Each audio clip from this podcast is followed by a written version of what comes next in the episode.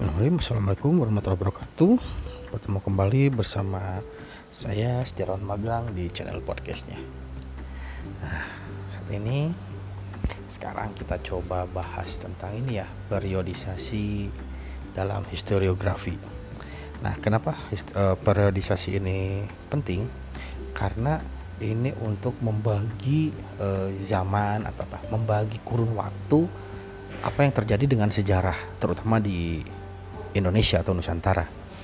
Nah, eh, di Nusantara atau Indonesia lah ya, itu sering kali di ini apa disamakan dengan periodisasi sejarah yang terjadi di Barat. Padahal tidak bisa seperti itu karena eh, perkembangan kebudayaan, perkembangan tingkat kemakmuran pun berbeda kali ya tingkat kemakmuran manusia dalam artian uh, teknologi, penguasaan teknologi, terus uh, uh, apa mencari mata pencaharian dan lain-lainnya itu sangat berbeda. Contoh simpelnya seperti ini. Ketika orang-orang uh, Eropa mulai berlayar ke timur, ke timur jauh, ada Amerigo Vespucci, Marco Polo, terus Christopher Columbus, Alfonso Albuquerque dan lain-lain itu banyak. Nah itu hmm, per, kebudayaan yang mereka bawa itu dari barat itu berbeda ketika mereka menemukan daerah baru, tanah baru di yang ada di timur. Bahkan eh, slogan mereka yang 3G itu glory, gospel dan gold itu eh, mereka juga memandang bahwa perlu untuk memanusiakan manusia yang ada di timur dan mereka menganggap bahwa mereka itu lebih maju dari segala macam di segala hal. Nah, ketika mereka pada abad ke-15, abad 16 mulai menjelajah dunia menuju ke timur.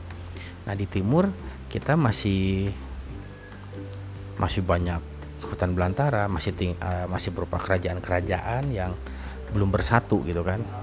Uh, itu perbedaannya. Contohnya terus uh, ada lagi ketika revolusi industri itu 1770-an 1750 sampai 1770-an tuh yang awal-awal revolusi industri pertama itu di Eropa ditemukan di barat ya di barat ditemukan mesin uap. Yang mana mesin uap itu telah merubah uh, sega, hampir segala segi sendi kehidupan masyarakat ketika itu. Mesin uap uh, yang ditemukan oleh James Watt itu bisa bekerja selama 24 jam yang berpengaruh kepada penemuan-penemuan apa di bidang invention di bidang bidang lain gitu. Mesin produksi yang tadinya butuh tenaga manusia sekarang bisa dikerjakan dengan mesin dan tanpa nyaris tanpa istirahat si mesin itu. Terus ini yang fenomenal tuh ketika mesin uap yang dipergunakan di kapal. Jika dulu pelayaran itu mengandalkan angin nah setelah ada mesin uap itu perjalanan bisa dilakukan kapan saja gitu. Selama bahan bakarnya ada. Dan bahan bakar itu membutuhkan kayu bakar salah satunya dan batu bara. Nah, ketika di Eropa di barat terjadi revolusi industri abad ke-18. Nah, di kita kan masih kerajaan-kerajaan. Di kita masih berada di bawah eh, kolonialisasi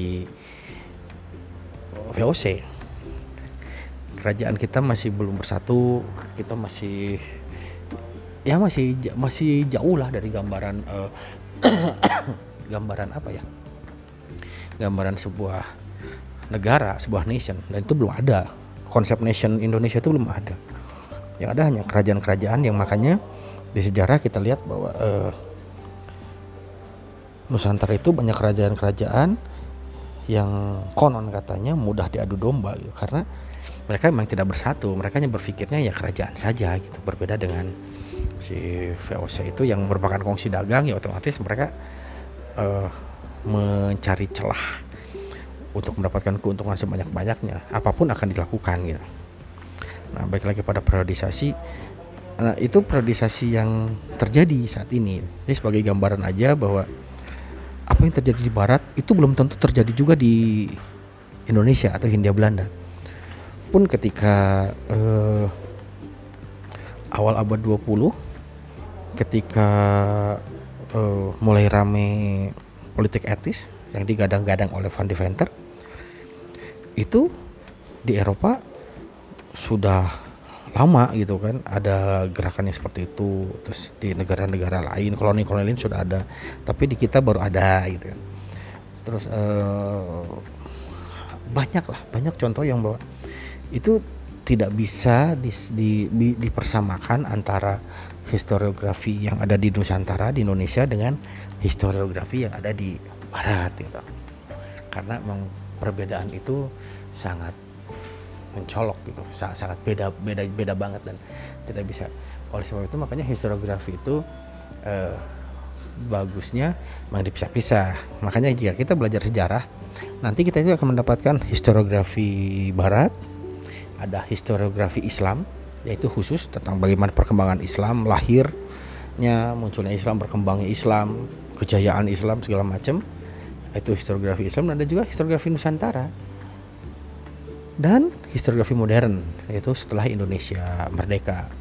Bagaimana uh, perkembangan penulisan sejarah mulai yang dari dipenuhi dengan mitos dongeng-dongeng menjadi uh, apa ya berubah wujudnya menjadi sebuah penulisan sejarah yang ilmiah yang tidak hanya berdasarkan cerita tapi memang mencari buktinya faktanya seperti apa dan ada proses kritik ada uh, interpretasi pokoknya metode sejarah lah yang dipergunakan. Dan itu periodisasi itu pun tidak sama antara yang terjadi di Eropa dengan yang di Nusantara begitu. Jadi bar, uh, barangkali segitu juga. Apa uh, segitu dulu uh, pembicaraan kita tentang historiografi apa periodisasi historiografi. Kita bertemu lagi di siaran berikutnya. Assalamualaikum warahmatullahi wabarakatuh